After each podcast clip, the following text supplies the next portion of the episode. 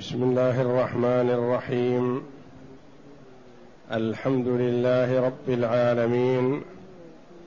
والصلاة والسلام على نبينا محمد وعلى آله وصحبه أجمعين. وبعد. أعوذ بالله من الشيطان الرجيم. ونادى فرعون في قومه قال يا قوم أليس لي ملك مصر؟ قال يا قوم أليس لي ملك مصر وهذه الأنهار تجري من تحتي؟ أفلا تبصرون؟ أم أنا خير من هذا الذي هو مهين ولا يكاد يبين؟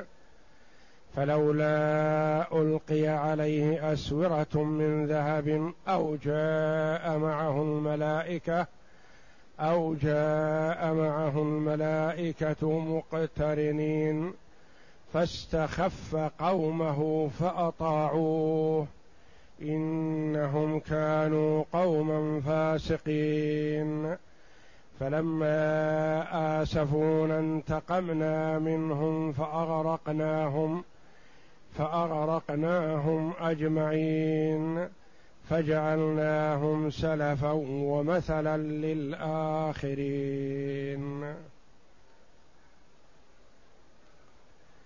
هذه الآيات الكريمة من سورة الزخرف جاءت بعد قوله جل وعلا ولقد أرسلنا موسى بآياتنا إلى فرعون وملئه فقال إني رسول رب العالمين فلما جاءهم بآياتنا إذا هم منها يضحكون. وما نريهم من آية إلا هي أكبر من أختها. وأخذناهم بالعذاب لعلهم يرجعون. وقالوا يا أيها الساحر ادع لنا ربك بما عهد, بما عهد عندك. إننا لمهتدون. فلما كشفنا عنهم العذاب إذا هم ينكثون. ونادى فرعون في قومه أحس فرعون اللعين بالخوف والذعر فخشي من ترك قومه له واتباعهم لموسى عليه الصلاة والسلام لما جاءهم به من الآيات الواضحة المتعددة المؤكدة على وحدانية الله جل وعلا وعلى صدق موسى عليه الصلاة والسلام. فنادى في قومه. جمعهم وخطبهم أو كلف من ينوب عنه في ذلك. ونظر إلى المفاضلة بينه وبين موسى عليه الصلاة والسلام في شيء لا يستحق التفضيل. ولا قيمة له عند الله. فالتمكن في الدنيا والمال والجاه والولد كل هذا لا قيمة له عند الله. وإنما قيمة العبد بتقواه وبطاعته لأمر الله. فالمفاضلة بين العباد كما قال الله جل وعلا إن أكرمكم عند الله أتقاكم. والله جل وعلا يعطي المال والولد والجاه والملك والرياسه لمن يحب ومن لا يحب. وقد قال الله جل وعلا ذرني ومن خلقت وحيدا وجعلت له مالا ممدودا وبنين شهودا ومهدت له تمهيدا ثم يطمع أن أزيد كلا إنه كان لآياتنا عنيدا سأرهقه صعودا. فالمال والولد والجاه في الدنيا لا قيمة له عند الله. ماذا قال فرعون لقومه؟ قال يا قوم أليس لي ملك مصر؟ ألست بملك؟ ألست المتصرف؟ التصرف التام في مصر وأهلها؟ وهذه الأنهار تجري من تحت نهر النيل بفروعه. أفلا تبصرون ذلك؟ فبماذا تبجح وتكبر وتعاظم بالملك والأنهار والتصرف الكامل في رعيته. هذا الذي تبجح به سيكون سببا لهلاكه. وكل من تعزز بغير الله أهلك به والعياذ بالله. وكل من احتقر من لا يستحق التحقير كان سببا لهلاكه. ففرعون اللعين تبجح وتعزز بالأنهار التي أجراها الله جل وعلا في بلاده فكان هلاكه فيها بالماء. وهو احتقر واستصغر شأن موسى عليه الصلاة والسلام فكان هلاكه على يده. الأنهار قال جمهور المفسرين المراد نهر النيل الجاري في مصر. وقيل المراد بالأنهار هنا القواد والرؤساء والجبابرة أي أنها تسير بأمره. وتنفذ ما يريده منها. وقيل المراد بالأنهار الأموال العظيمة. والقول الأول أولى وهو الظاهر والله أعلم. وهذه الأنهار تجري من تحت يعني من تحت قصره ومملكته. أفلا تبصرون؟ يعني ترون ذلك. فتستدلون بهذا على عظمتي وملكي واستعلائي وأنه لا يجوز لكم أن تبحثوا عن إله غيري. أم أنا خير من هذا الذي هو مهين ولا يكاد يبين؟ أم هنا يصح أن تكون المنقطعة والمتصلة. المنقطعة المنفصلة بمعنى بل. كأنه يقول بل أنا خير من هذا الذي هو مهين يعني مهان ولا كرامة له ولا ملك له ويتولى أموره بنفسه. لا يخدم مثلي كما يقول فرعون. مهين يعني يتولى أموره بنفسه فلا يخدمه غيره. فأم هنا قال جمع من المفسرين بمعنى بل بل أنا خير من هذا الذي هو مهين. وهي تسمى بل للإضراب يعني الانتقال من شيء إلى شيء. ذكر فضله وعلوه ثم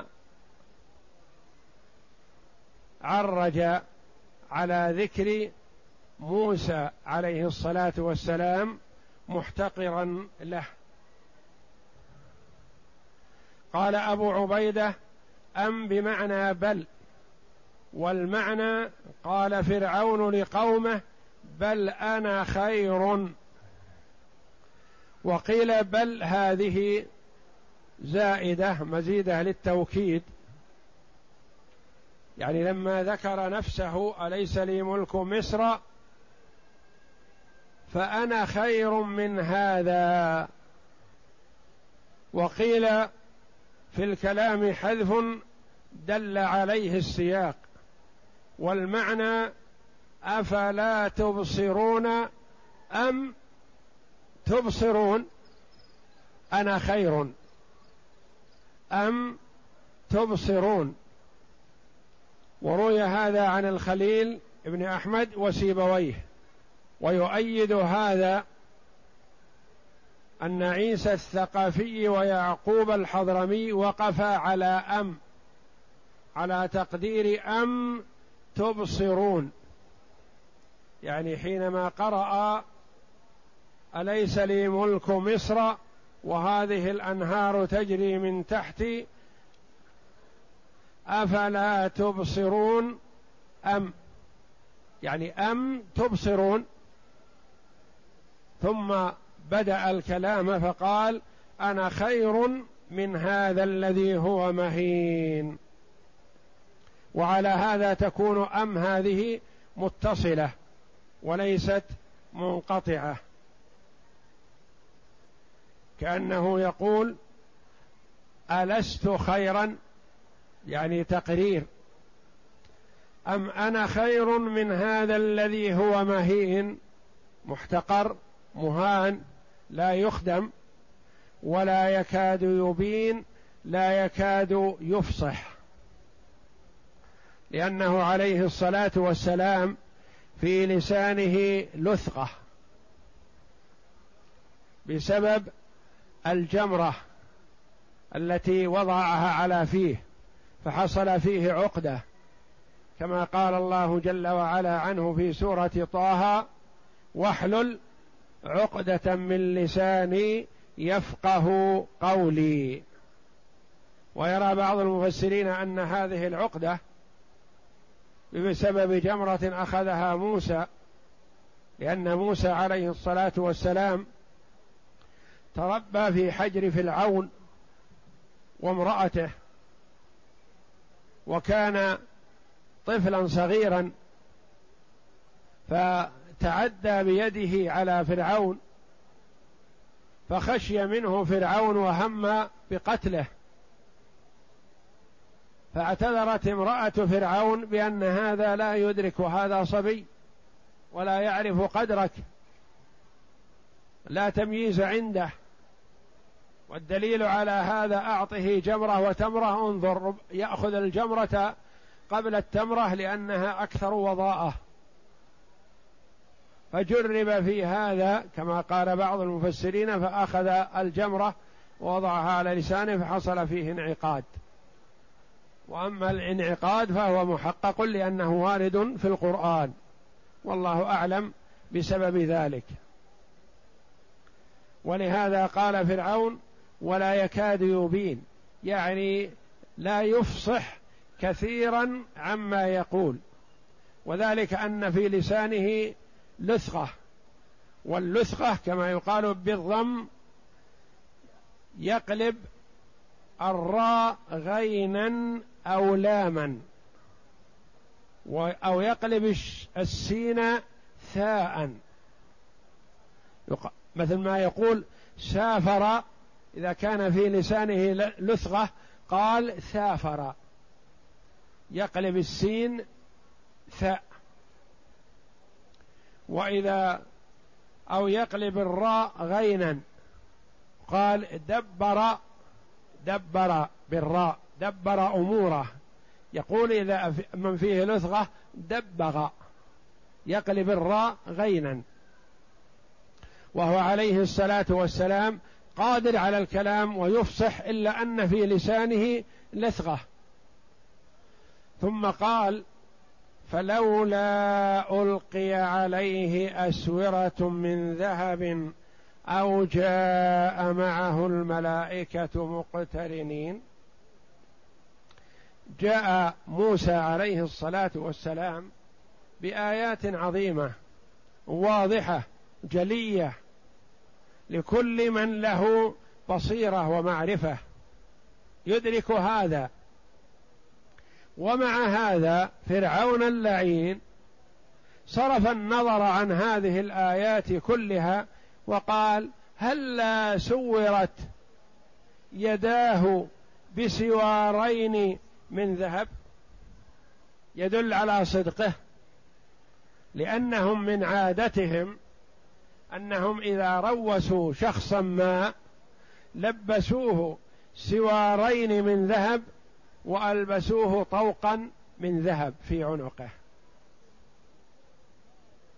فيقول إن كان صادق ومرسل من عند ملك قادر لكان قد أعطاه علامة وهذه العلامة يعطيه سوارين من ذهب ويجعل في عنقه طوقا من ذهب ليدل على صدقه. فتعامى عن الآيات العظيمة وبحث يطلب شيئا تافها. فلولا ألقي عليه أسورة أسورة جمع سوار وهو ما يوضع في اليد من ذهب أو جاء معه الملائكة مقترنين يأتينا وحده ما معه أحد يخدمه؟ لو كان مرسل من عند الله الملك كما يزعم كان أرسل معه مجموعة من الملائكة يخدمونه. يمشون معه ويسيرون في ركابه ويدافعون عنه. طلب هاتين وأعرض عن آيات عظيمة. فلولا ألقي عليه أسورة من ذهب أو جاء معه الملائكة مقترنين. فاستخف قومه فأطاعوه. استخفهم. استخفهم بمعنى استجهلهم. أو استخفهم طلب منهم الخفة والسرعة في الإجابة لما يطلب منهم. لا يريد منهم أن يتأملوا أو ينظروا في مطلبه بل أمرهم بالإسراع حتى لا يتفكروا في شيء ما أو استخفهم بمعنى استجهلهم. فكانوا فيهم من الجهل الشيء العظيم فأطاعوه استجابوا له. لماذا؟ إنهم كانوا قوما فاسقين خارجين عن الطاعة. فلما دعاهم فرعون إلى ما دعاهم إليه استجابوا له لفسقهم وجهلهم وضلالهم. وإلا فلو كان عندهم شيء من الحكمة لنظروا وقارنوا بين ما يطلب فرعون اللعين وبين ما جاءهم به موسى عليه الصلاة والسلام من الهدى والبينات والدلائل القاطعة على توحيد الله جل وعلا وعلى صدقه عليه الصلاة والسلام. فاستخف قومه فأطاعوه. إنهم كانوا قوما فاسقين. قال الله جل وعلا فلما آسفونا انتقمنا منهم.